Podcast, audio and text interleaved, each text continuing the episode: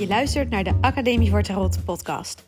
Mijn naam is Christa en ik deel heel graag al mijn tarot-ideeën, kennis, filosofische gedachten en creatieve tarot-inspiratie met jou, zodat ook jij het heft in eigen hand kunt nemen met de kaarten.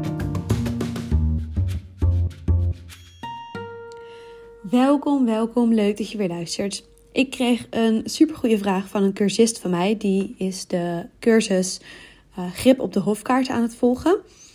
En zij vroeg: hoe kun je voorkomen dat je kaarten die je voor jezelf legt naar je eigen straatje uitlegt? Dus dat je de kaarten onbewust manipuleert. Zijn er manieren die je kunnen helpen om objectief te blijven? En dan zegt ze nog: Ik merk dat ik te vaak gebruik maak van de kennis die ik denk te hebben over mensen en over mezelf bij het duiden. Nou, super goede vraag. En ik denk dat het stellen van de vraag al het begin is van het vinden van het antwoord is misschien een beetje flauw, maar dat denk ik echt. Als jij je bewust wordt van, hey, misschien geef ik wel iets te veel invulling vanuit um, wat ik hoop of zo. Of wat ik denk te willen zien, of wat ik onbewust misschien wel wil zien in de kaarten. Dan heb je eigenlijk al de eerste stap gemaakt om daarvan los te komen. Want ik denk, ik denk dat dit iedereen wel eens overkomt. En het overkomt mij denk ik ook nog wel eens dat je kaart aan het leggen bent. En dan na het duiden denkt, hmm, maar dit was misschien wel heel erg. Ik heb er nu misschien wel heel erg invulling aan gegeven op basis van wat ik graag wilde dat de uitkomst zou zijn. Of wat ik heel erg in mijn hoofd zit te bedenken. Terwijl je juist die connectie probeert te vinden met hè, de diepere lagen. Ehm, ja, je diepere zelf misschien wel. En als je dat als je dat opmerkt bij jezelf, dan heb je dus eigenlijk al de eerste goede stap gezet. Van hé, hey, oké, ik ben misschien wel erg veel invulling aan het geven. De volgende stap is eigenlijk om jezelf een soort van te controleren. En daarmee bedoel ik dat je, uh, nadat je een duiding hebt gedaan, uh, kunt teruglezen. Uh, ja, tenminste, dan ga ik er even vanuit dat je opschrijft wat je als duiding bedenkt. Maar je kunt, je kunt dit ook in je hoofd doen. Maar met, met schrijven is het makkelijker. Teruglezen wat je hebt uh, opgeschreven. En bij jezelf nagaan. Past deze interpretatie inderdaad bij deze kaarten? Soms kun je gaandeweg als schrijvende een beetje afdwalen van de kaarten en meer je eigen gedachten opschrijven. En dan is het dus heel interessant om dat terug te lezen en uit elkaar te pluizen. Van oké, wat kwam er nou echt uit de kaarten en wat kwam er meer uit mijn gedachten? En Kijk, uiteindelijk is het alsnog een wisselwerking, hè? Want wat uit de kaarten komt, zoals ik het nu beschrijf, dat komt ook uit je gedachten en uit jezelf. Maar um, ik, ik hoop dat je dat, verschil een beetje ziet. Van hey, je hebt aan de ene kant um, de kaarten die bepaalde thema's aanreiken, die bepaalde symbolen laten zien. En op basis daarvan ga jij linkjes leggen, ga je nadenken, ga je voelen. En ga je dus interpreteren. En daarnaast heb je je eigen gedachten die met je op de loop gaan en die een beetje dat proces sturen. Daar is trouwens ook niet altijd iets mis mee. Want soms heb je iets meer vanuit echt, echt bedacht, zeg maar, als interpretatie. Maar dan kun je het alsnog linken aan de kaarten. En voelt het als kloppend en heb je er iets aan. En dat is uiteindelijk ook, denk ik, dan de belangrijkste toetser. De belangrijkste maatstaf. Of de belangrijkste, hoe noem je dat? Um, ja, om bij jezelf te toetsen van... Hey, heb ik het goed gedaan of niet? Is de vraag, heb ik er iets aan? Want als ik er iets aan heb, dan heb ik het toch goed gedaan. Dan maakt het ook niet zo heel veel uit waar dat antwoord vandaan kwam. Denk ik zelf althans. En de ene keer blijf je dus iets oppervlakkiger en meer in je hoofd misschien. En een andere keer heb je meer die connectie en dat diepe voelen. En ik denk dat het allebei mag bestaan. Ik denk niet dat je ernaar hoeft te streven om altijd tot de diepere onderbewuste lagen door te dringen. Zeker als het gaat om, om alledaagse kwesties of hè, dingen die uh, bijvoorbeeld ja, een, vraag als: wat heb ik vandaag voor mezelf nodig? Als daaruit komt: uh, ik heb een uh, lekker bad voor mezelf nodig. En je gaat daarna lekker in bad. En je kijkt daarna terug naar de kaart en je denkt: hoe heb ik dit nou weer bedacht op basis van de kaart? Het heeft niks met elkaar te maken. Maar ik ben wel lekker in bad geweest, ik ben wel geholpen. Weet je, dan is het ook niet zo heel erg. Dat is althans, ik, ik, sta daar heel praktisch in. Maar tuurlijk, soms wil je wel die diepere lagen en wil je wel meer. Uh, zeker weten eigenlijk dat je niet te veel de antwoorden er al in legt vanuit je hoofd. Nou, één ding is dus controleer jezelf. Lees terug wat je hebt geïnterpreteerd.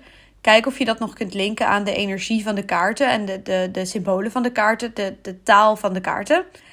En als dat niet zo is, als die connectie kwijt is, ja, dan is het tijd om even terug te gaan naar de kaarten. En het proces eigenlijk opnieuw aan te gaan. En opnieuw te kijken van hé, hey, ehm, maar wat kan ik dan wel uit de kaarten halen? Soms als je, als je heel erg ehm, als een onderwerp soort van te dicht in je hoofd zit, dan kan het heel fijn zijn om een uh, boek met kaartbetekenissen erbij te pakken. Of dat nou een boek is dat je bij het dek gekregen hebt, of een ander boek dat je hebt gekocht los van je dek. Lees de beschrijving van de kaart in dat boek. Je hoeft niet altijd je eigen. Dus, dus dat is, je, je neemt dan eigenlijk even een extra. Ehm, je stopt een soort extra laag tussen jou en de kaart. Ik, nou, ik weet niet of die beeldspraak helder is. Um, je gaat, kijk, als je kaarten legt, je gaat een conversatie aan met de kaarten. Maar soms zit je hoofd in de weg, soms zitten je gedachten in de weg. Een van de dingen die je dan kunt doen, is de gedachten van iemand anders over de kaart lezen. Want dan heb je weer even frisse input over die kaart. In plaats van dat jij te veel in je hoofd zit met je eigen verhaal over de gebeurtenis. En dus niet zo goed komt bij die kaart. Dus dat is iets wat je kunt doen. Iets anders wat je kunt doen is de tijd nemen om even tot rust te komen, tot jezelf te komen, te mediteren. Of te zeggen: Dit is niet het juiste moment om de kaart voor mezelf te leggen. Ik kom terug als ik rustiger ben.